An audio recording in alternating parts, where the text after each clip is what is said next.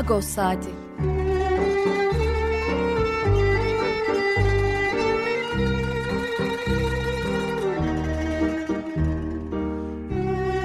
Haftalık Agos gazetesinin penceresinden Türkiye ve dünya gündemi. Agos'un mutfağından haberler, söyleşiler, olaylar.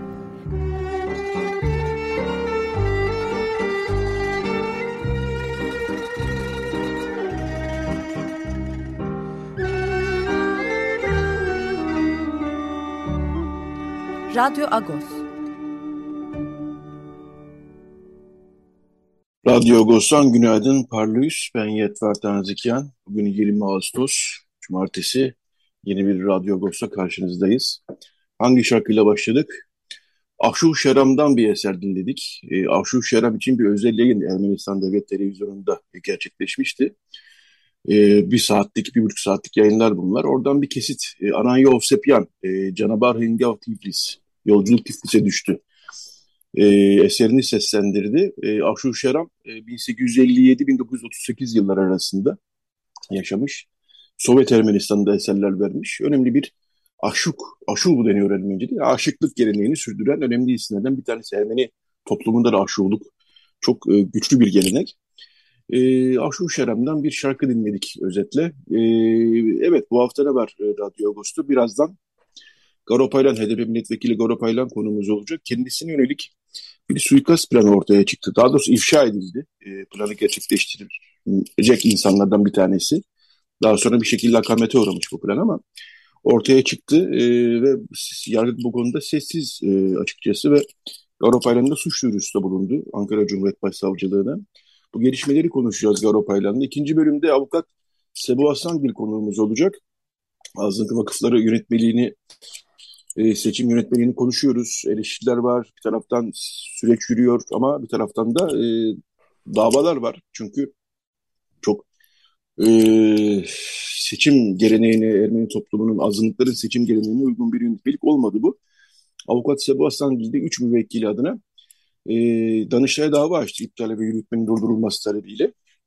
Son bölümlere Pakrates Sükyan'la haftalık olan sohbetimizi gerçekleştireceğiz. Evet, e, Garopaylan e, hattımızda çok da fazla bekletmeyelim Garopaylan'ı. Günaydın Garopaylus. Günaydın Yeto Parlus. E, seninle yine tatsız bir konuyla e, ne yazık ki e, bir yayın yapacağız. Çünkü hafta içinde e, aslında iki hafta önce e, bir kişi Alaaddin Çakıcı'nın eski avukatlarından Mehmet Sinan İnce e, Hablemitoğlu e, cinayetinin firari şüphelisi e, Levent Göktaş'a seslenerek kendi sosyal medya hesabından 2016 yılında e, sana yönelik bir suikast planı düşündüklerine fakat bunun daha sonra akamete uğradığını diyelim yazdı ve sen iki hafta bekledin bu konuyla ilgili olarak ve kimse yani yargı harekete geçmeyince de sen harekete geçip Ankara Cumhuriyet Başsavcılığına suç duyurusunda bulundun. E, şimdi bu konuda yargın e, ve şöyle bir şey daha oldu. Sen e, bunu kendi Twitter hesabından paylaştın, bir haber yaptık, birçok site haber yaptı. Ve bu ifşaatta bulunan kişi daha sonra da sana özel olarak Twitter'dan bir cevap yazdı ve e, dizlerinden vuracaktık merak etme falan gibisinden daha da hani işi e, nasıl diyeyim ben skandal e, boyutuna taşıyan bir paylaşımda bulundu e, sen haklı olarak e, hem Ermeni toplumu tedirgin hem Türkiye'deki bütün demokratlar tedirgin hem de e, sen tabii kişisel olarak çok tedirginsin tahmin edebiliyorum. Neler söylemek istersin? Nasıl gelişti olay? E, sözü sana bırakayım ben. Evet. E, Yetvart e, biliyorsun e, yani ülke tarihi devlet içindeki karanlık yapıların suikastleri, provokasyonları, e, siyaset siyaset alanını daraltıp e, güç hegemonya savaşlarıyla geçmiş durumda ve devlet içinde çöreklenen yapılar e, kendi ikballeri için veya bağlı oldukları ideolojinin ikbali için her yol mübah diye bakabiliyorlar ve bu tip suikastler, provokasyonlar e, ülke tarihi boyunca olmuş. Özellikle de ülkede değişim e, olma iddiasında olan dönemlerde olmuş. Yani seçimlere doğru, veya bir darbe dinamiklerine doğru bu tip provokasyonlar artmış. 2016 yılında da biliyorsun bir darbe girişimi söz konusu oldu 15 Temmuz 2016'da ve bundan önce yani 2015 seçimlerinde Erdoğan kaybettikten sonra Haziran seçimlerini daha sonra e, bir karanlık el düğmeye bastı ve Suruç'ta yoldaşlarımız paramparça edildi. E, gar katliamı söz konusu oldu. Çatışmalar başladı. Pek çok provokasyon söz konusuydu. Biz bunu bir darbe dinamiği olarak tanımladık ama iktidar or oralı değildi. Çünkü bu gerilimin kendine yarayacağını düşünüyordu. Yani oylarının arttığını iddia etmişlerdi biliyorsun. Ve nitekim Kasım seçimlerinde iktidarı ele geçirdiler ama çatışmalar devam etti. Provokasyonlar devam etti. Belli ki o darbe dinamiği döneminde benimle ilgili de başka insanlarla ilgili de oldu bu iddialarını da söyleyeyim. Başka böyle hani e, öldürülmesinde sansasyon yaratacak bazı isimlerle ilgili suikast e, planları o zaman konuşuluyordu. Benimle ilgili de bir suikast planı yapılmış. E, bu özel harp yani ifşaat şu, özel e, kuvvetler komutanlığında e, tırnak için söylüyorum önemli görevler yapan Levent Göktaş e, bu e, plan plan yap, yapmış azmettiricisi olarak herhalde. Daha sonra iddia şu ki bu plan başka güçlerce bozulmuş. Yani devlet içinde birileri ya bunun şimdi doğru olmayacağı noktasında bozulmuş son anda yani ki bu avukat e, ifşaatında şu Türkiye Büyük Millet Meclisi'nde yani Türkiye'nin meclisinde bu tetikçiler benim arkamdan yürümüşler. E, dizlerinden vuracağız değil Dizlerinin bağı çözülmüş diyor. Yani indir, indirecektik diyor, indirebilirdik diyor ifşaatında. Dizlerinin bağı çözüldü şimdi gibi e, ifade bulunuyor. Yani bir şekilde planlar yapılmış. Yani belli ki ben ne zaman geliyorum, ne zaman gidiyorum te- tespit etmek için meclise girmiş bu insanlar ve arkamdan yürümüşler mecliste.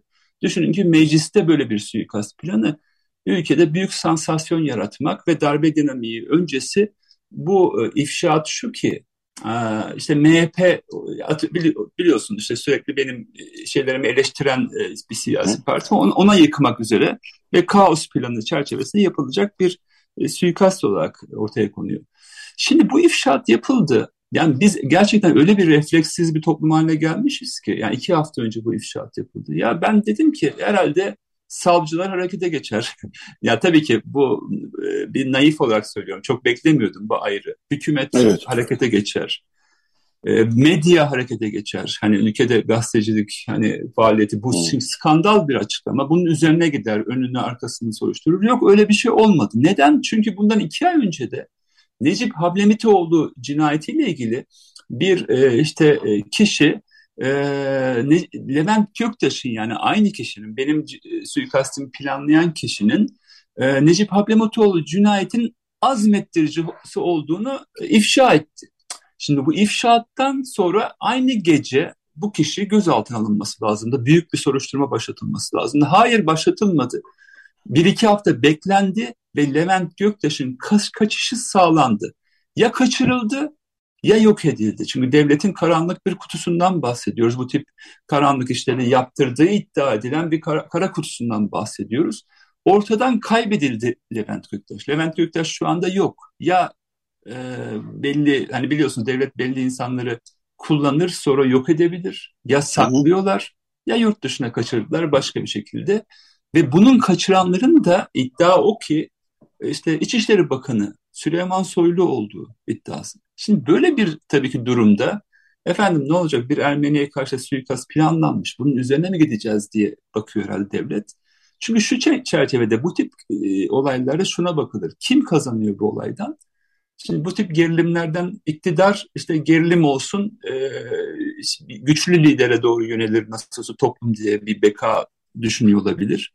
İkincisi yeni darbe dinamiği düşünenler varsa onlar ya bunun üzerine gide, gidemeyiz şimdi işte çünkü yeni kaos planları planlıyoruz diye bakabilir. Çünkü hepsinin kuyruğu birbirine dokunuyor. E, muhalefete bakıyoruz. Muhalefet de meselenin üzerine gitmiyor. Çünkü geçmişte atıyorum bazı siyasetçiler 90'lı yılların karanlığının aktörleri ya bu meselede bunlar bizim arkadaşlarımız, bizim de işimizi gören tırnak içinde söylüyorum vatansever insanlar işte bunların üzerine gidersek e, bu bu yapı hani mücadele bozulur gibi bakıyor herhalde. Bu yüzden üzerine gitmiyorlar. Ve düşünebiliyor musunuz? Bir ülkenin meclisinin milletvekili mecliste öldürülecek iddiası var. Bir soruşturma dosyası dahi açılmadı bugüne kadar. Yani bir soru normalde bir çocuğumuz hani bir tweet attığında gece soruşturma dosyası açılıp 24 saat içinde tutuklanıyor, yakalanıyor bilmem ne ediliyor. Eden devlet aygıtı, yargı bir vekilin öldürüleceğine dair e, böyle bir iddia var ve çok karanlık e, bir e, çeteyi ortaya çıkarabilecek bir arınma dosyasına dahi dönüşebilecek bir dosya. Harekete geçilmedi, savcı dosya soruşturma açmadı, meclis harekete geçmedi, yürütme üç maymunu oynuyor. Yani böyle bir durumda karşı karşıyayız ve kamuoyu ilgisi de maalesef şu durumda Yetu. Yani gazeteciler de bu anlamda gazete medyada yeterli bence tepki vermiyor. Yani sıradanlaştı galiba bu tip ifşaatlar. Yani o kadar büyük şeyler oluyor ki hiçbir şey olmuyor sonucunda. E, toplum da refleksiz hale geldi. Sıradanlaştı sanıyorum bundan dolayı ama bu sıradanlaşma şunu getirecek. Yani geçmişte olan şeyleri peşine gidemezsek yeni bir seçim dönemine doğru gidiyoruz. Yeni provokasyonları yapacak, hani devletin kabuk değiştiren o yapılarının e, sürmesi anlamına geliyor. Ve bir şey daha var. Necip Hablemitoğlu cinayeti hep biliyorsunuz FETÖ'ye yıkılmıştı. FETÖ'de diyorlardı. Hı hı. E şimdi Levent Göktaş'ı Ergenekon'dan tutukladılar biliyorsunuz. Evet. Yani şimdi Ergenekoncu dedikleri, FETÖ'cü dedikleri bilmem neci şucu bucu diyorlar ama bu planları yapanların hepsi devlet memuru. Devlet var karşımızda. Bunu görmemiz lazım. Ve bu kişilerin üzerine şu sebeple ve bu sebeple ya onu tutuklarsak şimdi bütün FETÖ algısı çöker. Bunu yaparsak Ergenekon'a halel gelir diye toplum kaplaşmış olduğu için de bunun üzerine ben gidilemediğini düşünüyorum. Oysa yapmamız gereken bu ceberrut yapıları devlet içinden söküp atmak, bu konuda toplumun refleks vermesi. Aksi takdirde yeni provokasyonlarla, yeni darbe planlarıyla, yeni kaos planlarıyla karşı karşıya kalabiliriz. Burada ilginç bir şey var e, Garopa'yla. E, aynı kişi yani Alaaddin Çakıcı'nın eski avukatı e, Mehmet Sinan İnce söz konusu peş peşe paylaşımlarda bulundu Instagram hesabından. Bunlar tabii şey ben çok anlamıyorum ama story şeklinde yani bir görünüp bir süre 24 saat kalıp sonra kaybolan paylaşımlar. Burada başka iddialarda da bulunuyor. Diyor ki e, CHP Genel Başkanı Kılıçdaroğlu'nun çubuk doğradığı saldırıyı da e, bu Levent Göktaş yani Hablemitoğlu cinayetinin firar şüphelisi Levent Göktaş'ın Ahmet Gündüz isimli bir kişi üzerinden tertip edildiğini öne sürüyor. Buna benzer başka iddialarda da bulunuyor. Bu konularda da yargı sessiz. Yani bunlar aslında Türkiye çalkalaması gereken şeyler taraftan. Buradaki sessizliği nasıl? Hadi diyelim ki yani dilim var mı da hadi biz Ermeniyiz bizi çok dert etmiyorlar. Diğer meseleler de yani e, ciddi yani kapsamlı bir konudan bahsediyoruz. Bunu nasıl değerlendiriyorsun? Yetvart hep şu temel bir kuraldır. Yani bir suç varsa e, suçluları korunuyorsa suçluları koruyanlar suçun ortağıdırlar. Yani bu temel bir kuraldır. Yani bir suç varsa diyelim ki ya bu suçun size karşı olduğunu düşünüyorsanız diyelim ki ne yapıyor iktidar? Ya Gezi ile ilgili biliyorsun hiç olmadık şeylerle insanları tutukluyor. Vay işte Kobani meselesinde hiç olmadık bir şekilde insanları tutukladılar. Niye? Çünkü bana karşı yapıldı diye baktığı her şeyde insanları tutukluyor. Olmadık şeylerle tutukluyor. Olmadık iddialarla tutukluyor. Saçma sapan iddialarla insanları tutukluyor. Ama bu, bu tip meseleler üzerine gitmiyorsa ben çok net bir şekilde söyleyeyim. Yani bu iddiayı mecliste de tekrar tekrar haykıracağım. Hep de haykırdım. Suçluları koruyanlar suçların ortağıdır. Bu kadar büyük ifşaatlar varsa yani çünkü sükut neden gelir? İkrardan gelir. Yani siz eğer ki sessiz kalıyorsanız, üç maymun oynuyorsanız, bir ülkenin bir milletvekili öldürülecek deniyor, harekete geçmiyorsunuz. Necip Hamlemitoğlu cinayetiyle ilgili bir kişi diyor ki ya Levent Göktaş diyor kardeşim diyor bu işin azmettiricisi diyor. Harekete geçmiyorsunuz tam tersine adamı kaçırıyorsunuz. Yani 15 gün bekliyorsunuz. Yani normalde 15 dakika içinde harekete geçmesi gereken devlet 15 gün bekliyor. Adam kaçırılıyor. Belli eller tarafından yok ediliyor ya da bilmiyoruz. Ondan sonra efendim şek şeklen bir soruşturma dosyası açıyor. Yani bu bu da dediğim gibi e, bu tip cinayetlerde devletin olduğunu net bir şekilde gösteriyor. Hrant Dink cinayetinde de bu kişinin ismi geçiyor. Levent Göktaş'ın ismi. Başka karanlık cinayetlerde de ismi geçiyor. Bir kara kutudan bahsediyoruz ve Hrant Dink cinayeti biliyorsunuz. Önce Ergenekon'a yıkılmaya çalışıldı.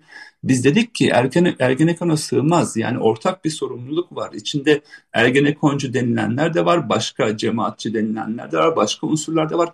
Bütünleşik bir sorumluluk var. Devlet var Hrant Dink cinayetinin e, içinde dedik. E, bütün planlayıcısı, örgütleyicisi, azmettiricisi olarak üzerine gidilmedi. Önce Ergenekon'a yıkılmaya çalışıldı. E ne oldu sonra e, cemaatle kavga başlayınca FETÖ'cülere yıkılmaya çalışıldı. E bir baktık ki Hrant Dink cinayetinde biz adaleti bulamadık. Kamu görevlileri yargılanmadılar doğru düzgün ve e, öldür diyenler yargılanmadı. Şimdi de Hablemitoğlu cinayetinde biliyorsunuz FETÖ'ye yıkılmaya çalışıldı. E, efendim sonra bakıyorsunuz Levent Ersöz Ergenekon'dan yargılandı. E şimdi bakıyor, bu noktada bakıyoruz ki yani karşımızda kabuk değiştiren, gömlek değiştiren, sakal bırakan bilmem ne eden bir devlet var. Bunu görelim bütün bu, bu cinayetlerde ve devlet aygıtı siyasi iktidar da şunu görmüyor. Biz onları çok uyardık. 15 Temmuz öncesi ya darbe dinamiği var arkadaş dedik. Bunun üzerine gidin ama bu kaosun kendisine yarayacağını düşünerek bu kaosa bir şekilde yol verenler, bu suçu e, üzerine gitmeyenler, daha sonra darbe girişimiyle karşı karşıya kaldılar. Daha sonra başka insanları darbecilikten hapse atmaya başladılar. Yani burada iktidar ateşle oynuyor yeniden. Evet bu ateş ülkeyi yakabilirdi darbe dinamiğiyle. Bu bertaraf edildi ama darbe dinamiği sonrası kendi darbelerine devam ettiler ve devlet şu anda çürümüş durumda. Devlet gerçekten çeteleşmiş durumda. Bu çete yapılarını e, arındırmak da bütün toplumun sorumluluğu. Madem ki iktidar burada harekete geçmiyor, biliyorsunuz İtalya'da 90'lı yıllara bir temiz eller operasyonları yapılmıştı. Gerek yolsuzluk dosyalarıyla ilgili, gerek bu tip gladio yapılanmalarıyla ilgili. Başka ülkelerin de gladioları vardı. 70'lerde, 80'lerde, 90'larda bu gladio yapılarından arındı bu ülkeler, Batı ülkelerinde. Ama bizim gladiomuz hala yoluna devam ediyor. Bu noktada topluma sorumluluk düşüyor. Bu tip davaların üzerine gidilirse, yani ipuçlarının üzerine giderse toplum, refleks verirse e, herhangi bir bakın Hable mitoloji cinayeti veya benim suikast planım herhangi bir ipin ucundan tutun çorap söküğü gibi gelecek. Yeter ki bu iradeyi ortaya koyabilelim. Aksi takdirde güvercin tedirginliğinde yaşamaya devam ve mücadele etmeye devam edeceğiz eğer hayatta kalırsak tabii ki. Evet çok gerçekten tedirginlik verici bir inşaatla karşı karşıyayız ve konudaki sessizlik de çok daha da düşündürücü. Senin de etraflıca anlatmaya çalıştığın gibi. E, şunu soracağım sen e, bir milletvekili olarak zaman zaman İçişleri Bakanı ile e, temaslara da bulunuyorsun. Yani şu konuda şöyle bir sıkıntı var, bu konuda böyle bir sıkıntı var, şu konunun üzerine gidilmesi lazım gibisinden. E, bu konuda bir temasın oldu mu kendisiyle? Ya şimdi Yeto şöyle bir durum olmadı. Çünkü ya, iddia şu ve bu iddia yalanlanmadı yani. Hı. Benim cinayetimin azmettiricisi, planlayıcısı olduğu iddia edilen Levent Göktaş'ı ee, İçişleri Bakanı Süleyman Soylu'nun kaçırdığına dair çok ciddi bir iddia var. Ve İçişleri Bakanı Süleyman Soylu bu iddiayı yalanlamadı. Ya olur mu öyle şey kardeşim nasıl böyle bir iddia olur demedi, diyemedi. Şimdi yani tavşana kaç, tazıya tut diyen bir İçişleri Bakanı var. Yani şimdi ben nesine güveneceğim? Bu kadar e, suç isnadı var ortada. Bunlarla ilgili e, harekete geçmeyen bir İçişleri Bakanı var ve onu görevden almayan bir Cumhurbaşkanı var. Şimdi bakıyorsunuz bana diyorlar ki ya koruma al. İyi de beni korumadan kim koruyacak? Yani e, biz yani sonuç olarak cinayetine bakıyoruz. Yani oradaki e, harekete geçmeyen kamu görevlileri Hrant Dink'i koruması gereken kamu görevlileri aslında. Hrant Dink'i öldürme planını yapan kamu görevlileri Hrant Dink'in koruması gereken kamu görevlileri. O açıdan yani ben e, İçişleri Bakanı ile konuşmanın bir anlamı olduğunu düşünmedim ama başka insanlarla görüştüm tabii ki. Yani meclis başkanı diğer kişilerle sorumluluğa davet ettim bu noktada. E, belli insanlarla aklı selim olduğunu düşündüğüm, hala devlet içindeki bu karanlıktan rahatsız olduğunu düşündüğüm siyasetçilerle görüşüyorum. Ama buradaki bakın siyaset bence bu noktada kilitlenmiş durumda. İktidarıyla muhalefetiyle hepsini birlikte söylüyorum. Burada topluma sorumluluk düşüyor, kamuoyuna sorumluluk düşüyor. E, medyaya yani ne kadar gazeteci gücü kaldıysa onlara sorumluluk düşüyor. Bu meselenin üzerine gitmek. Üzerine gitmediğimiz sürece hiçbirimiz güvende olmayacağız. Yani bugün Garo ile ilgili böyle bir efendim e, suikast planı olur. Yarın başkasıyla ilgili olur.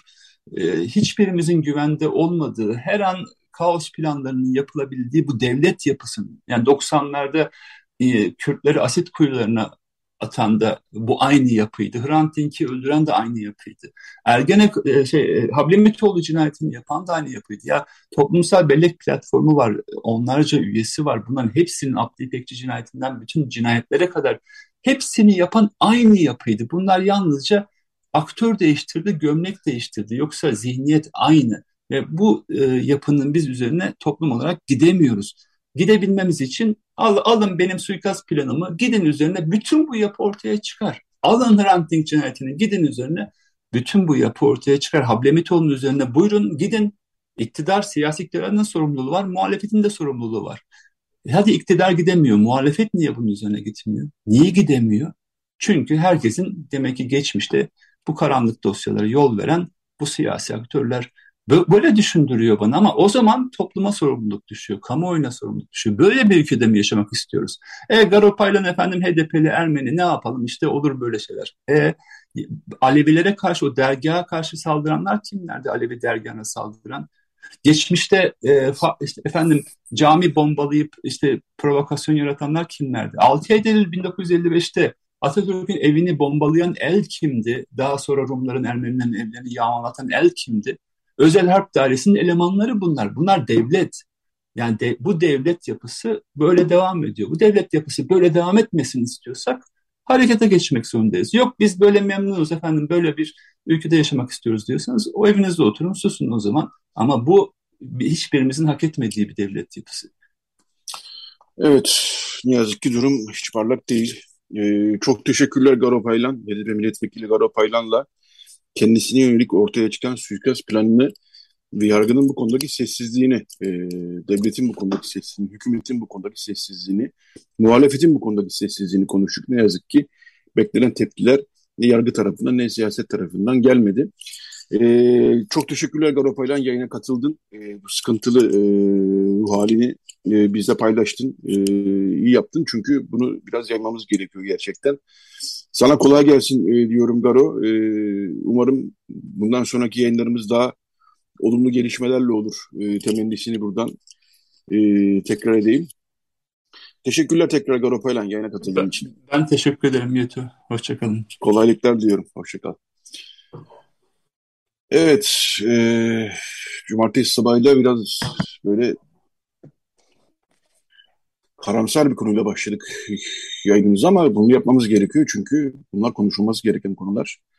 Derinlemesine üzerine gidilmesi gereken konular. E, o yüzden gündemimiz bu. Evet şimdi bir şarkı arası. E, geçen e, yani bu ay boyunca e, Aram Tikra'nın e, ölüm yıl dönümünü e, idrak ediyoruz.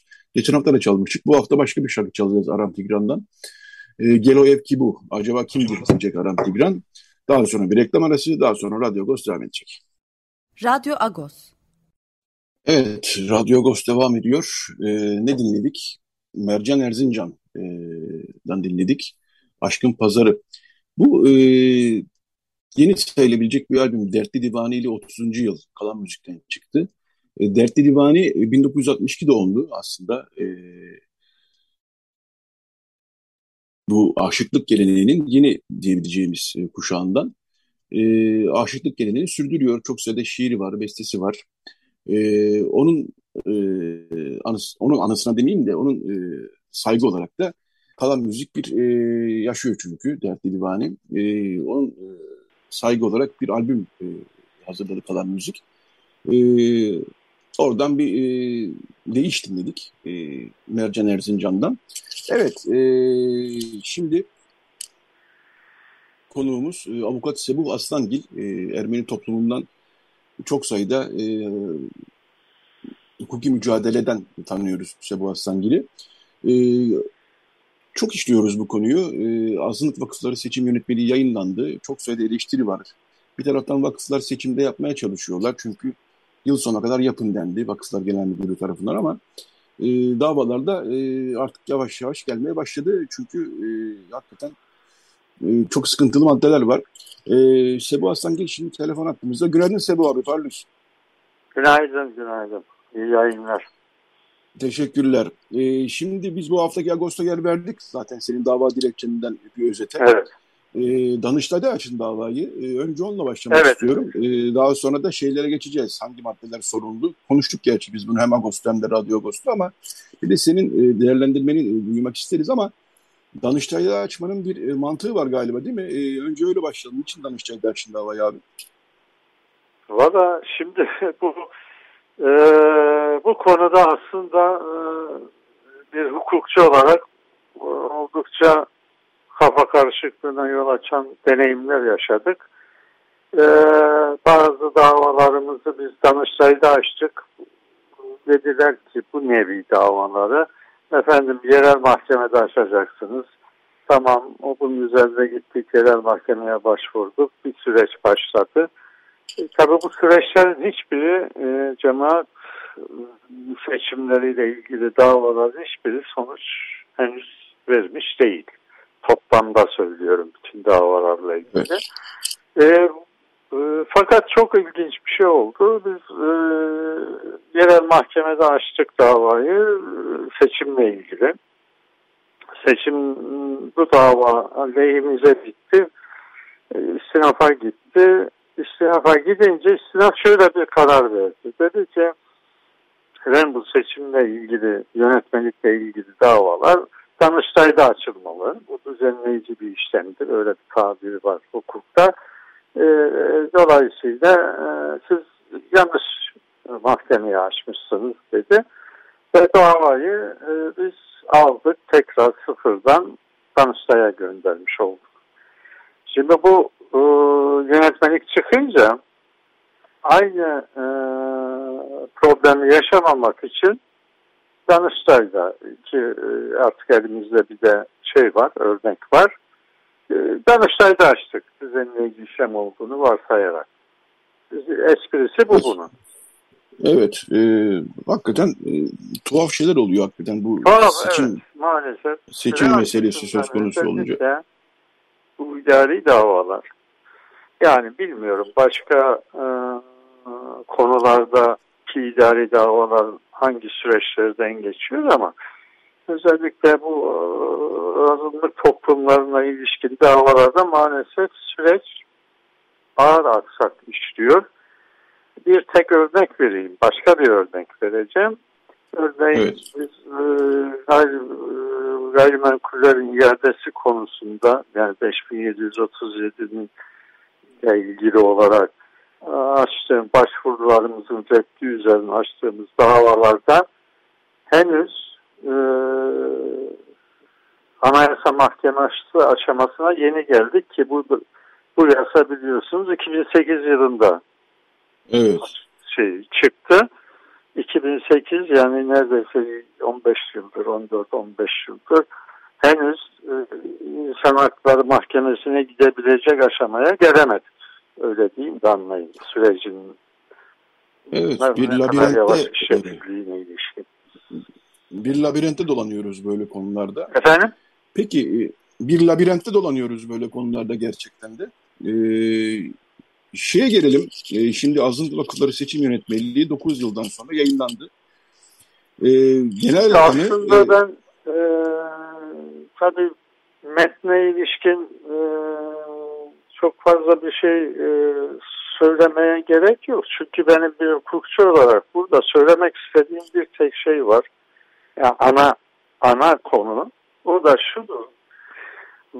Çıkartılan yönetmelik şimdi e, bugüne kadar e, azınlık vakıflarında yapılan seçimlerin e, ilgili yayınlanan ya da izin verilen e, yönetmeliklerden yani 5737 sayılı yasadan öncesi de dahil olmak üzere tamamen aykırı, tamamen zıttı bir yönetmelik çıktı.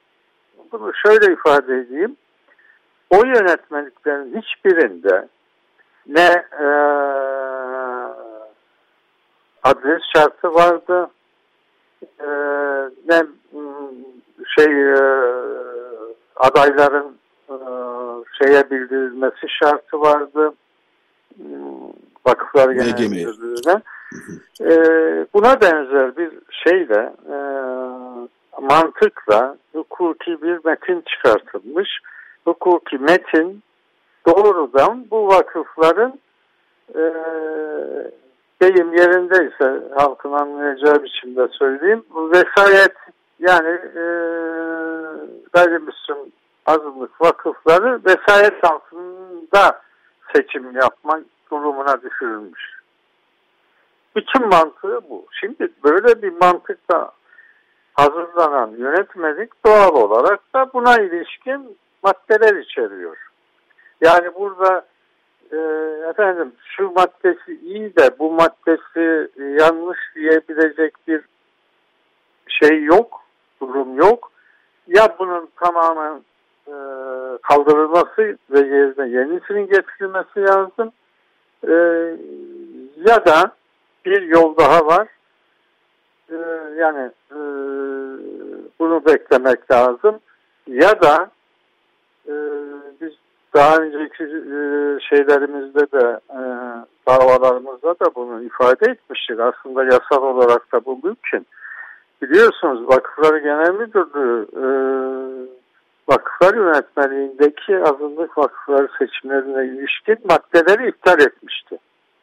Evet. E, şimdi böyle iptal durumunda ya aynı yasada e, bir madde var 5737'de e, o maddede ilk çıktığında vardı bu e, diyordu ki eğer bu yönetmelik çıkmazsa e, vakıflar daha, e, bu yasaya aykırı olmayan bir biçimde daha önce uyguladıkları seçim biçimini uygulayıp seçimlerini yapabilirler. Evet. Yani ben biz benim hukukçu olarak önceden beri savunduğum şey buydu. Ee, ama tabii muhatap bulamadım cemaatte ya da cemaatlerde. Ee, şöyle bir, böyle bir girişim asla olmadı. Yani bu şuydu, e, seçimi yönetmeliğini beklemeye gerek yok. E, daha önceki yönetmelikleri şey yaparak, e, önümüze koyarak seçim yapabilirdik. Ha o bir tek onay yani mazbata dedikleri aşamaya kadar getirebilirdik ama hiç böyle bir girişim olmadı. Şimdi bu yönetmeliğin uygulanmasına çalışılıyor benim bildiğim kadarıyla cemaat içerisinde ama gördüğüm müthiş bir belki siz de izliyorsunuz bir e, kargaşa var. Evet. Kaos demesem bile müthiş bir kargaşa var. Çünkü hiç cemaatlerin daha önce karşılaşmadıkları koşul var, biçimler, e, var şeyin içerisinde, yönetmeliğin içerisinde. Bu da hem pratikte e, uygulama güçlü getiriyor hem de sonuç itibariyle Vakıflar İdaresi tamam demeden seçim yapılamayacağına ilişkin bir e, şey e, durum çıktı ortaya.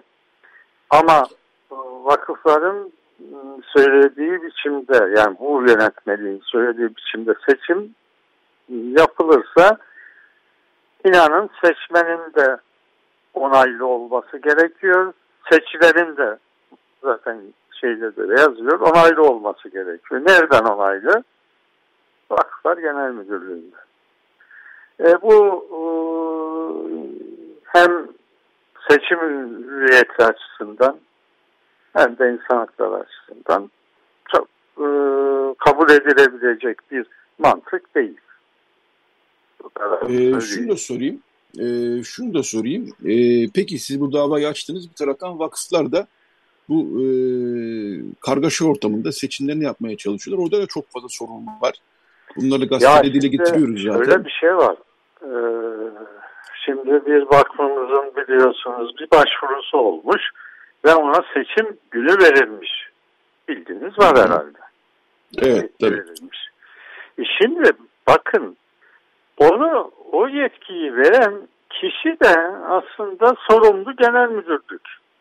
Kimi verdiği önemli değil. Nerenin verdiği önemli ama sonuç itibariyle resmi bir belge. Şimdi bu seçimi engelleyici hiçbir şey yok ki.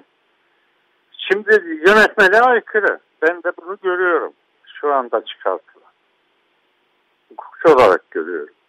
Ama başvurulmuş ve e, yetki almış. E şimdi bunun e, hukuken izahı mümkün değil. Açık söyleyeyim. Yani böyle bir e, işleme evet diyen bir kurumun baş yani çünkü etkin kurumun evet demediği hiçbir şey olmayacak artık seçimde. Bunu ben görüyorum. Bilmiyorum ama e, cemaatteki yöneticiler ya farkında değiller ya da görmüyorlar diyeceğim. E, bilerek görmüyorlar. Çünkü böyle bir seçim ilerlemez. Kaldı ki seçime e, yönetmelikteki birçok madde doğrudan 5737 sayı yasaya aykırı. Yani e, vakıflar yasasına aykırı. Bir örnek hastanenin ayrı seçim yapıyor olması. Evet. Yetkisi yok Vakıflar Genel Müdürlüğü'nün. Yani cemaat vakıflarla ayırma yetkisi yok. Yasada böyle bir yetki verilmemiş Vakıflar Genel Müdürlüğü'ne. Ama ayırdı. Gördüğünüz gibi. Aynı şekilde seçim tarihi vermiş. Bunu yapamaz. Ne demiş? 31-12-2022'ye kadar seçimlerinizi yapacaksınız. E böyle bir kayıt olabilir mi? Özgür seçim ortamında adil, eşit e, seçim yapabilme çabası içerisinde olan bir kuruluşun seçimleri e, Vakıflar Genel dediği tarihe kadar yapma zorunluluğu yok ki. Öyle bir zorunluluk getirilemez. Evet. Özgür seçim mantığına aykırı onu anlatmaya çalışıyorum. Evet. E, dolayısıyla e, yani ben ideal idealize ettiğim hukuk adına tabii idealize ettiğim şeyi e, bu arada söylemiş olacağım. Şöyle bir şey var. Şimdi Vakıflar Genel Müdürlüğü bir kurum. Bu kurum bir yönetmelik yayınlanmış. E kardeşim bu yönetmelik hiç ne geleneklere ne geçmişteki uygulamalara ne de seçim hürriyeti açısından iyi bir e, metin değilse yapılacak ana şey bu, bu yönetmeliğin uygulanmayacağını tabii ki e, e, Vakıflar Genel Müdürlüğü'ne uygulayamayacaklarını Vakıflar Genel Müdürlüğü'ne bildiriyor olması lazım vakıflar. Ya biz bu yönetmedik. E, yapamayız bu seçim. E, e, böyle bir durum mümkün. Çünkü yasal bir e, yol bu. İtiraz ediyorsunuz bu yönetmeliğin uygulanamayacağını yeni bir yönetmenlik talep edersiniz. E, sorunun çözümüne böyle ulaşırsınız. Ama şimdi benim gördüğüm bir kere şöyle de bir girişimde bulunuyor. Gazete haberlerinden takip ettiğim kadarıyla. Efendim şu maddesi değişsin, bu maddesi değişsin. Ve bu bu teklifleri Vakıflar Genel Müdürlüğü'ne gö götürdüğünde bu kişiler Vakıflar Genel Müdürlüğü doğal olarak şöyle diyor. Ya biz bunu değiştiremeyiz. Çünkü bu bir bütün. Onu, onu görüyor onlar çünkü. Yani evet. bunun bu maddelerin bir, birisi değişirse e, o, o metin kendi içindeki hukuki bütünlüğü kaybeder. Onun için Vakıflar Genel Müdürlüğü hayır bu e, yönetmelikle bu seçimi yapacaksınız. Başka bir alternatifi yok. Böyle denildiğini siz de duymuşsunuz. Evet evet. Dolayısıyla ee, ben ama bu e, e, cemaatte bu örgütlenme mantığı yani hakkını arama adına örgütlenme mantığı maalesef biliyorsunuz yıllardır yok. Yani olsa belki bu işler buraya kadar gelmezdi ve 9 yıl seçim yapılmadan e, bu zamanda geçmezdi. Tabii ben bunu söylerken tabii ki seçimi olsun istiyorum. Doğal bir şey bu. Çünkü doğal bir hak. Yani işin mantığı bu. Bu vakıflar seçimle yönetici seçemedikleri sürece e, kan kaybederler ve biterler. Çünkü e, vakfın idaresindeki ana amaç cemaatlerin ortak faydasına işler yapabilmektir. E bunun da tek yolu seçim yapıp liyakatlı, yetenekli insanları o makamlara getirmektir. E şimdi size sizden bu esirgenmiş oluyor. O nedenle e, bir hukuk mücadelesine ihtiyaç olduğunu düşündük ve bu davayı açtık. Peki yani, e, fakat bir taraftan da süreç tabii, devam ediyor. Yani bu davayı açmış olmak seçim istemiyor anlamına tabii ki gelmez. Hiç böyle bir kastımız olabilir mi? Evet. Bir taraftan da süreç öyle ya da böyle e, devam ediyor. Bu tabii e, yargının hızı dikkate alındığında sanıyorum üst seçimler bittikten sonra e, olumlu veya olumsuz sonuçlanacak bir davadan bahsediyoruz. Tahminlerimiz öyle. Yani çok acil bir karar Valla şöyle bir şey var. Ben dürüst olarak e, hukuka inanırım. Ve bu metnin de hukuken e, haklara aykırı bir metin olduğu yani daha önceki var olan haklara aykırı bir metin olduğu çıplak gözle gözüküyor zaten. Sıradan vatandaş evet. Da okuduğunda bu, bu çelişkiyi görüyor. Yani daha önce bu seçimleri organize eden seçim kurullarında da ben yer aldım. Ee, o seçim kurullarındaki o bilgilerin hiçbiri artık bir işe yaramıyor. Şimdi seçim kurulları oluşturulmaya çalışılıyor ama o seçim kurullarındaki kişiler eski seçim mantığı yani onu gördükleri için onun acaba uygulanabilir olup olmadığını e, araştırıyorlar ama imkansız. Çünkü bu baş, bambaşka bir metin. Onun için e, seçim e, yapılsa bile ki olabilir seçim yapılabilir. E, yürütmeyi durdurma kararı verilmediği sürece bu yönetmeliğin uygulaması devam edecektir okulda. E, bu arada yürütmeyi durdurma kararı verilirse yönetmelik uygulamadan kalkacak. İşte o zaman benim e, e konuşmamın başında söylediğim gibi seçim yapma yolunu tekrar açabiliriz. Cemaat toplulukları olarak. Açarız.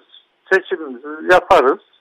Bildiğimiz daha önce uygulanmış yöntemlere göre yani seçilen yöneticilerin atanması aşamasına kadar getirilmiş getirebiliriz süreci.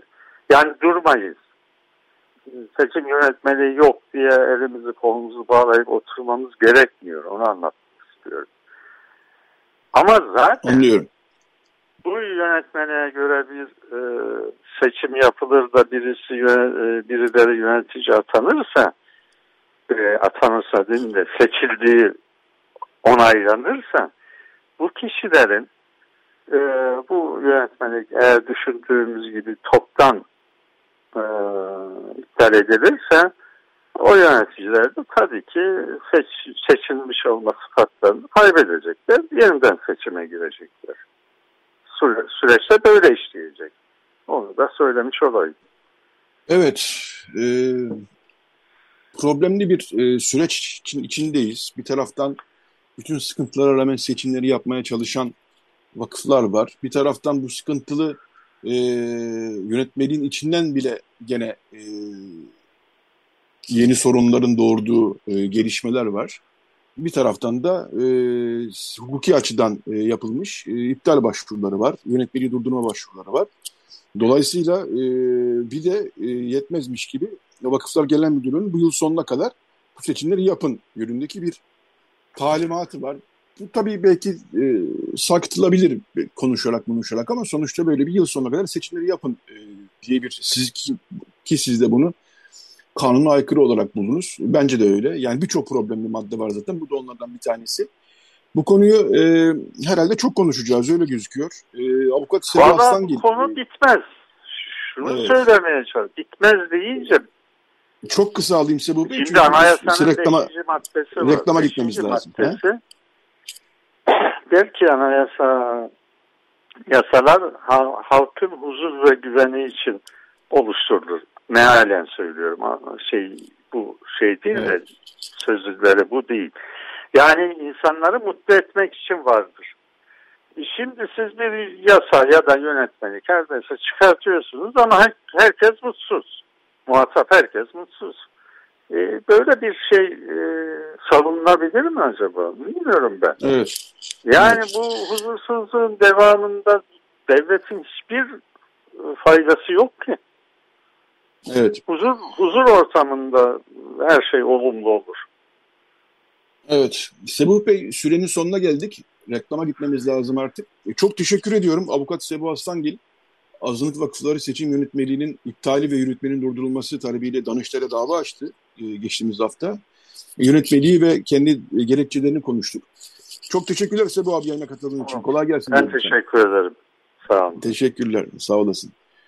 Evet, e, genelde bu bölümde bir şarkı da çalarız reklama gitmeden önce ama e, bugün e, bük, e, vaktimiz yok. E, hemen reklama gideceğiz. Daha sonra Radyo Agos devam edecek. E, Pakrates Dükkan'la olan sohbetimizi bu hafta saat 10 kuşağına taşıdık. Pakrates Dükkan konumuz olacak. Evet, şimdi e, reklamlar daha sonra Radyo Agos devam edecek. Radyo Agos. Feryal'le sohbet ederken biz yayına girmiş olduk. Evet, Radyo Agos devam ediyor.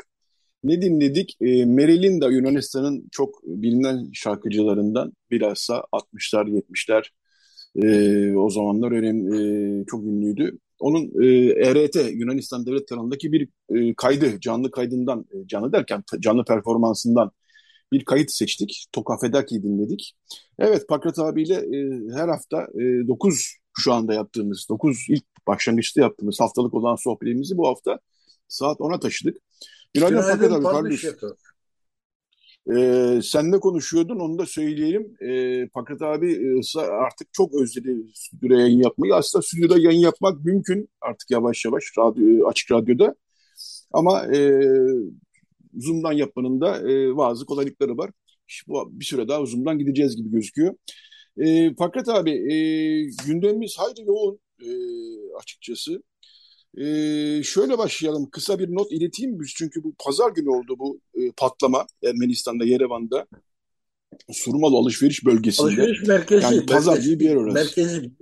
Ya alışveriş, ya AVM gibi de anlamamak lazım. Alışveriş merkezi deyince insanlar öyle anlıyorlar. Orası bir e, alışveriş bölgesiymiş daha çok ağırlıklı olarak. Orada bir havai fişek deposunda patlama e, oldu ve 16 kişi e, yani bu birle başladı can kaybı sayısı e, arttı arttı arttı arttı en son çarşamba gün 16 kişi e, enkaz kaldırma çalışmaları e, ağır yürüdüğü için ister istemez e, 16 kişiyle e, sonuçlandı. Can sıkıcı bir şey tabii ama e, bir taraftan da bu e, alışveriş bölgesindeki e, ya da merkezi diyelim e, havai fişek deposunun orada ne işi var gibi bir soru ve e, tabii ki bunlar denetlenmiş, cezalar yazılmış.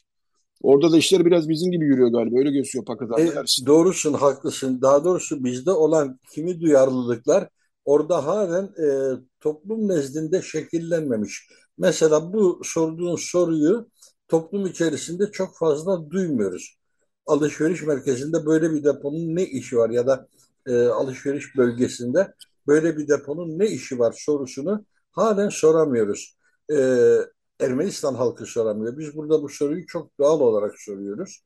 Ee, üstelik de şimdi çoğu insan Beyrut'taki geçen yıl yaşanan o müthiş patlamayı, rıhtımdaki patlamayı anımsıyor. Orada da aynı soru sorulmuştu. Ee, ama belli ki e, Ermenistan halen Sovyet döneminden kalma e, alışkanlıklarla e, bazı şeylere akıl erdirmek mümkün değil gibi bakıyor ve bu soruyu sorma hakkı olduğunu düşünemiyor Ermenistan insanı zannediyorum. E, böyle bir hassasiyet yok yani orada. Tabii evet. sıfattan istifade gene hükümete yüklenmek için bir şeyler söyleniyor ama bu soru e, çok da duyduğumuz bir soru değil. Oysa en canıcı olan, e, can alıcı olan soru bu. Evet. Şimdi bu haftanın gündeminde ki benim de bu haftaki yazımdaki konu buydu. Ee, İstanbul Büyükşehir Belediye Başkanı Ekrem İmamoğlu'nun e, Balık Durum Hastanesi Vakfı Başkanı Yuvanidis'e telefon etmesi, telefonda onu e, içerikten bağımsız konuşuyorum bunu. Yuvanidis'in söyledikleri, İmamoğlu'nun söyledikleri bunlar başka konular, haklı haksız. Bu telefon görüşmesini biz Yuvanidis'in dediğini duymadan bir ajansa servis edilmesi, o ajansın da bu telefon görüşmesini yayması. Ben bunu her şeyden önce kişilik haklarını zedeleyici bir konu olarak e, gördüm. Ee, İmamoğlu orada diyor ki siz işte e, oradakileri kovacaktım demiştiniz. Kimsenin bizi kovmaya gücü yetmez diyor bir aşamasında telefon görüşmesini. Ben de merak edip baktım. Ne demiş Yuvanis'te? Sabah gazetesinde röportaj vermiş Yuvanis. Evet e, hükümeti e, ölçüsüz biçimde neredeyse övmüş. Erdoğan hükümeti Zeytinburnu Belediyesi'ni. E, ondan sonra baştan beri, yangından beri zaten Balıklıurma Hastanesi'ndeki yangından beri belediye yönelik e, teşekkür eksikliğini e, İmamoğlu sorun etmiş vaziyette. Fakat orada kovarım dediği kişiler e, bir şekilde Rum toplumunda kendi kavgalı oldu. Artık kim haklı kim haksız ona biz burada girmeyelim ama Rum toplumunda kavgalı oldu. Onu eleştiren e, kişilerden bahsediyor. Röportaja bakıldığımızda bu açık seçik ortaya çıkıyor. Dolayısıyla ben bu görüşmedeki tonu ve medyaya servis edilmesini biraz yadırgadım açıkçası. Yazara bunu yazdım detaylı biçimde. Sen ne dersin bilmiyorum. E, Rum toplumunda kavgalı olduğu kişiler e, dediğin zaman bu kişilerin oldukça geniş bir kitle olduğunu öncelikle kabul etmemiz gerekiyor. Yani e, Konstantinos Ioannidis aynen e, görevi devraldığı eski başkan Dimitri Karayan gibi kendi toplumunda çok da e, makbul görülmeyen bir adam. Şüphesiz ki yandaşları vardır e, ve toplumun zaten genel sayısı da nüfusu da çok düşük, 2000'in altında bir toplumdan bahsediyoruz. Ama e, oraya giden e, insanların büyük çoğunluğunun ona karşıt insanlar olması çok doğal. Bugün e, hemen durumu e, örneklemek için diyorum ki Allah muhafaza böyle bir şey Süpürgiç Hastanesi'nde olsa hepimiz oraya koşacağız. Ve e, bugünkü vakıf başkanı da biz e, bizlere bakıp aynı şeyi söyleyebilir. Yani bu adam kendi toplumu içerisinde yalıtılmış bir adam. Ve e, senin de belirttiğin gibi e, iktidara yaranmak için söylediği sözler hakikaten e, artık gitgide mide bulandırıcı bir boyuta varmış. Ve Ekrem İmamoğlu bunun e, öfkesiyle bu tepkiyi koydu ama tepkiyi böyle servis etmesi senin e, dediğini gene haklı çıkarıyor. Kişilik haklarına e, saldırı oluyor. Ne demek yani sen adamı fırçalayacaksın bunu kaydet. Adamın cevap olarak ne dediğini duymayalım ama senin monologunu dinleyelim ve sen monologunda haklılığını herkese anlatmaya çalış. E, ben İmamoğlu'nun haklı olduğu meselesini e, tereddütsüz kabul ediyorum. Çünkü İmamoğlu e, göreve geldiği günden beri zaten yandaş medyanın bu tür saldırılarına muhatap oluyor. Hükümetin bu tür saldırılarına muhatap oluyor. Adam kimle balık yedi diye eleştiri konusu oluyor. Neredeydi, geç mi geldi, erken mi geldi? Her hareketi eleştiri konusu oluyor. Şimdi burada da e, İmamoğlu o gün geldi bir daha da gelmedi lafı. Oysa telefon konuşmasında İmamoğlu dedi ki ertesi günü e, belediyenin üst düzeyde görevli 8 e, arkadaşım hastanede sizinle toplantı yaptılar dedi. Sizinle görüşler eksiklerinizi, e, ihtiyaçlarınızı tespit etmek için. Yani burada bir demagoji olduğu muhakkak. E, Konstantinos Ioannidis hükümete yaranmak için İmamoğlu'na vurmaya çalışıyor. E, ama muhtemeldir ki zaten Sabah gazetesi de e, bunu naklederken de kullandığı üslupla e, o da aynı şeyi biraz daha belirgin kılmaya çalışıyor. Mesela İmamoğlu şov yapmaya geldi lafı.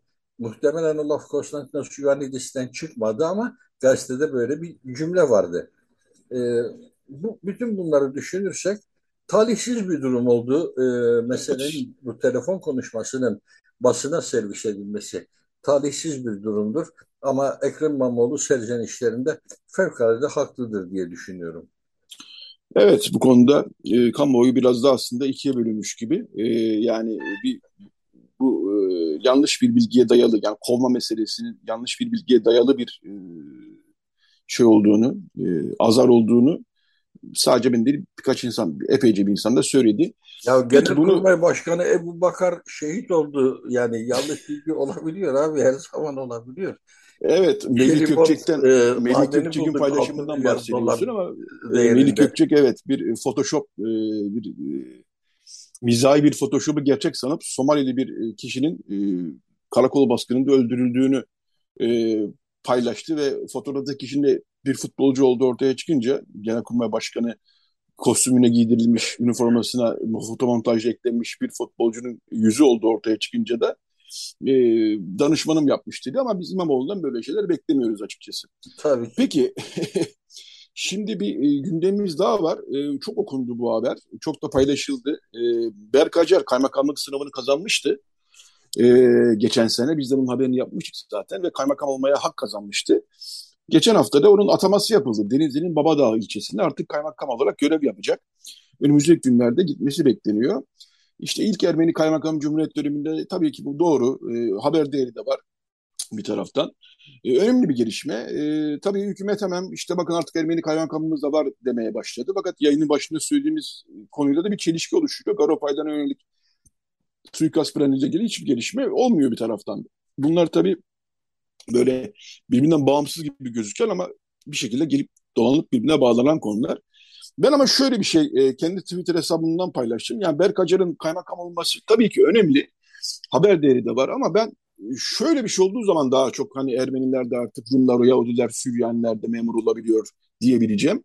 Bu saydığım azınlık gruplarından herhangi birisi bir nüfus memurluğunda veyahut da bir tabu dairesinde bir memur olduğunda ve yükseldikleri zaman kendi isimleriyle e, o zaman sanki bir şeyler değişecek gibi e, düşünüyorum. Bilmiyorum ne dersin Fakat abi?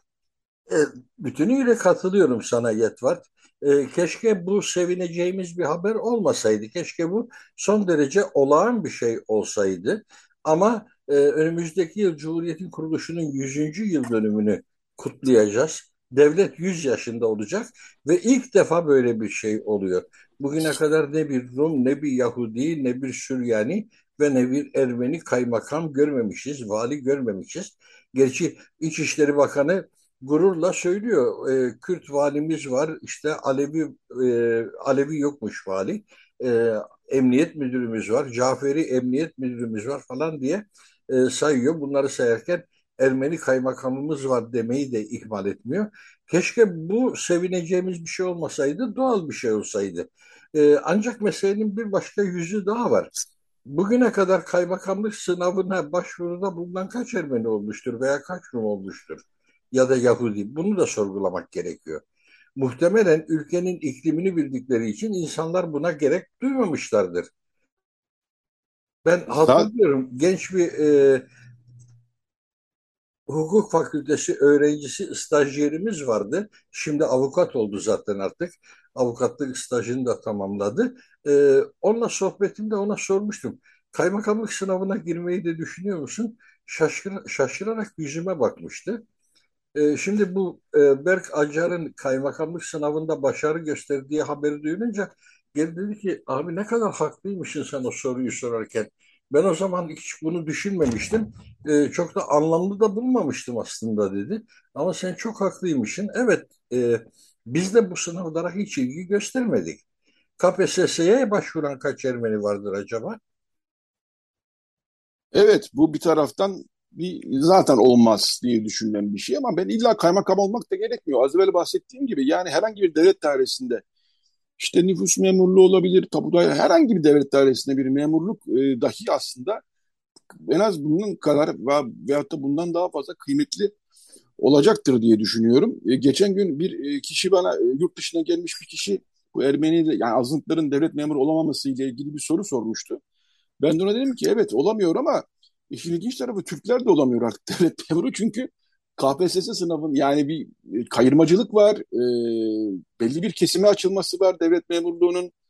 E, belli bir siyasi görüşlü olmayanlar mülakatta zaten eleniyorlar. Hükümet yanlısı olmayınca devlet memuru olmak çok zor diyerekten aslında biraz ironi yaparak bu işin sadece Ermeniler, Rumlar, Yahudiler ve Süryanilere artık özgü olmamaya başladığını son dönemde toplumun geneline yayılmaya başlandığını bir dediğim gibi e, ironiyle e, söylemiştim. E çok doğru ee, söylemişsin tabii. Çok doğru söylemişsin bunu.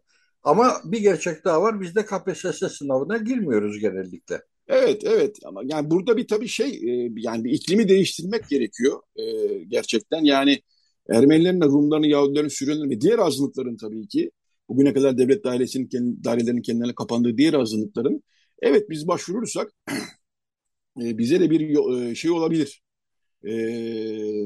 yol açılabilir demesini sağlayacak bir iklim. Hrant kitabında vardı Tuğba Çandar'ın. Hrant Dink'in en büyük e, hayallerinden bir tanesi de bir cinayet dedektifi olmakmış. Yani ben iyi bir cinayet dedektifi olabilirim diye düşünürmüş kendi kendine. Ben yani biz çok sohbet ettik ama bu konu hiç açılmamış. Başka bir sohbetten belli ki Tuğba Çandar bunu öğrenmiş. Ee, yani bir Ermeninin cinayet dedektifi de olabileceği, komiser de olabileceği bir iklim e, aslında beklemek e, hakkımız artık 100. sene, Cumhuriyet'in 100. senesinde. E, bunu da bu notu da Tuğba Çandar'ın o güzel kitabından, kapsamlı kitabından, önemli kitabından bu notu da e, Hrant Dink'teki cinayet dedektifi olsaydı bambaşka bir dünya olurdu. Bilmiyorum ne dersin? E, şu anda benim aslında en çok düşündüğüm bu meseleye karşı Denizli'nin Babadağ ilçesi halkının yaklaşımı ne? Onlar bu tayini, bu atamayı nasıl buluyorlar? İlçelerine ilk defa bir Ermeni kaymakam gelecek. E, buna nasıl bakıyorlar? Ee, mağdur olduklarını mı düşünüyorlar? Hakarete uğradıklarını mı düşünüyorlar? Yoksa zannetmiyorum. Bilmiyorum. Bilmiyorum. Evet. Yani orada evet. bir mikrofon tutmak anlamlı olabilir diye düşünüyorum insanlara, esnafa, e, Ora halkına, Babadağ halkına e, Tam... kaymakam atandığı ne düşünüyorsunuz? E, tahmin ediyorum ki e, Berk Acar'ın da kaymakam olarak atanması için görece sakin bir ilçe e, düşünülmüş. Tahmin yani Babadağ ilçesi çok adli vakalarla gündeme gelen bir ilçe. Benim bildiğim kadarıyla değil. E, yani bir şeyler varsa da unutmuş da olabilirim. Ama en azından siyasi çalkantıların çok fazla yaşandığı bir ilçe değil. E, herhalde öyle bir ilçe e, seçilmiş olsa gerek diye düşünüyorum. Evet Fakret abi. E, bu, bu hafta... mevzu çünkü e, ilk defa Muğla'ya bir kadın vali atandığı zaman da benzer bir şey olmuştu e, bir ilkti çünkü kadın vali. Evet. Böyle bir evet, kavram evet. yoktu. Türkiye'de ilk defa bir kadın vali Muğla'ya atandı. Leyla Ataman'dı sanırım yanlış hatırlamıyorsam evet. ismi. E, Leyla Ataman e, atandığı zaman da e, Muğla'da nasıl karşılandı? Tabii ki bir süre sonra o kendisini kabul ettirebilir. Ettirebilmişti de Leyla Ataman nitekim.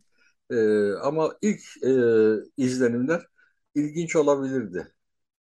Evet, süremiz bitti Pakrat abi. Bu hafta seni son bölümde konuk ettik. Ee, seninle sohbet her zaman keyifli. Çok teşekkürler. Haftalık olan sohbetimizi bu haftada yapmış olduk. Sana iyi bir hafta sonu diliyorum. Ee, ben de sana diliyorum Yeto. Teşekkürler. evet, Radyo Agos'tan bu haftalık bu kadar. Recide Feryal Kabil yardımcı oldu bize. Kapanış şarkısı için biraz vaktimiz var. Biz zaman zaman, e, ben daha doğrusu benim biraz müzik zevkimi de işin içine katarak e, 40 yıl öncesinin e, listelerinden, Billboard listelerinden yani yurt dışındaki listelerden şarkılar seçiyorum. Yine 1982 e, Ağustos ayının Billboard listesine baktık e, ne var ne yok diye. E, Man at Work Avustralyalı bir gruptu 80'lerde ve bayağı bir e, ünlü olmuştu o zamanlar. E, listede sallamıştı diyebilirim. E, Man at Work'ün e, Who Can It Be Now e, şarkısı listeye girmiş Ağustos ayı itibariyle. Çok bilinen bir şarkı bu. Duyunca tah bilmeyenler tahmin ediyorum anımsayacaklardır. Evet.